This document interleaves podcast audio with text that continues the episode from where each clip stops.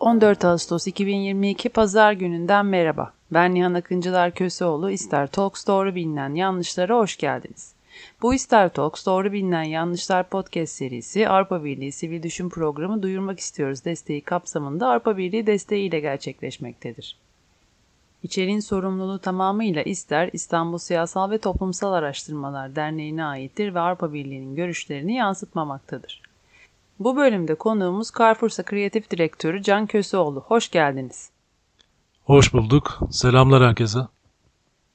Bugün yaratım süreçleri, tasarım, reklam hakkında doğru bilinen yanlışlardan bahsedeceğiz. Lafı uzatmadan direkt konuya girmek istiyorum. Sizce tasarım sonradan öğrenilebilen bir olgu mudur yoksa doğuştan gelen bir yetenek mi? Ee, kendi adıma şöyle anlatmam daha doğru olacak sanırım. Tasarım çok fazla profesyonel dalı olan, e, sanat tabanlı eğitimlerden geçilerek belli bir disiplinde uzmanlaşılan bir olgu. Üniversitelerin güzel sanatlar fakültelerinde eğitim alan binlerce genç var e, ve en popüler bölümleri de zaman zaman değişse de iç mimarlık, grafik tasarım, resim, endüstriyel tasarım, heykel, fotoğraf gibi onlarcası. E, ben 2007 yılında Yeditepe Üniversitesi Endüstriyel Tasarım bölümünden mezun oldum fakat 2010 yılından beri e, kendimi daha çok reklam tasarımcısı olarak konumlandırabileceğim işler yaptım diyebilirim.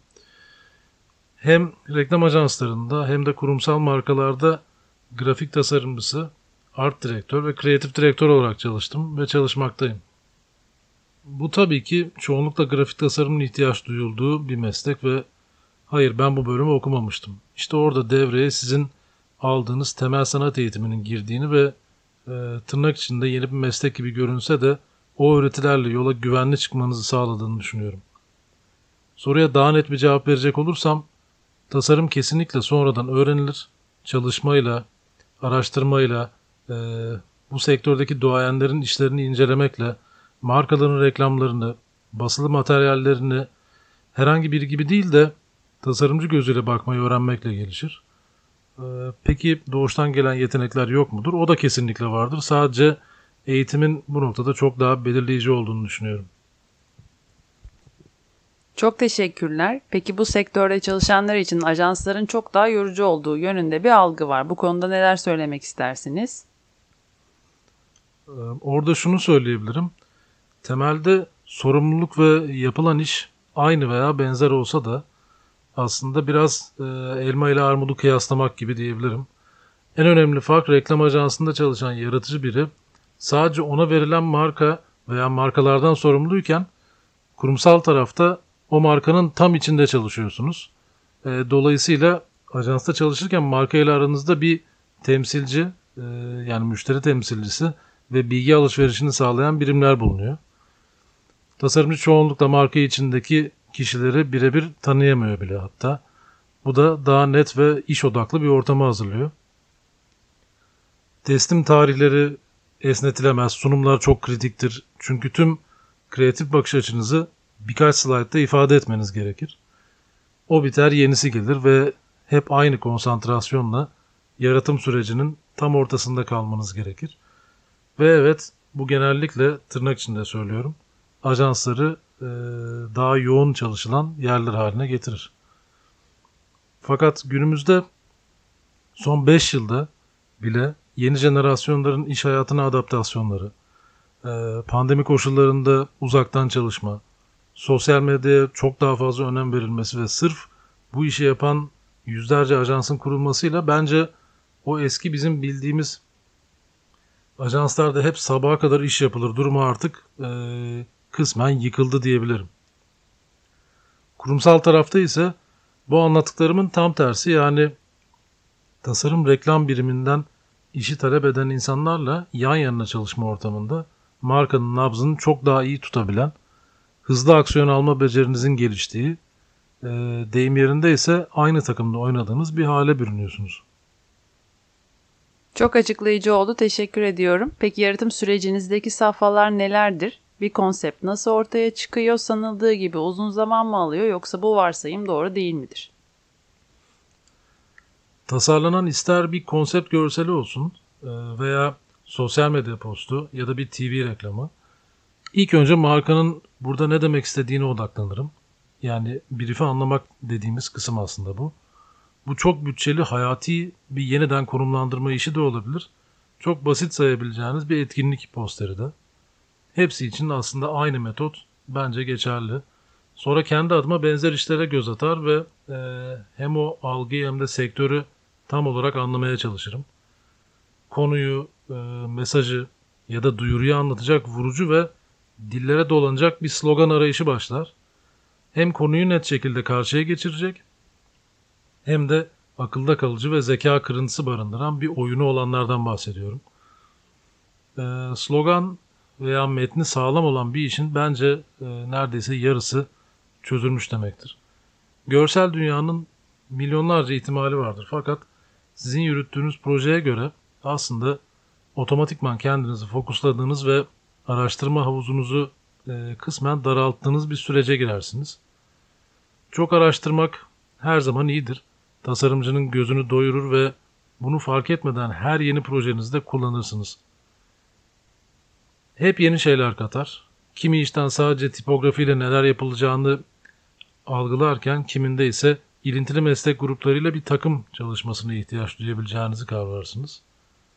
Kendi adıma görsel yolumu bulup içime sindikten sonra işi tamamlamaya doğru devam eder ve sonunda da detaylandırırım.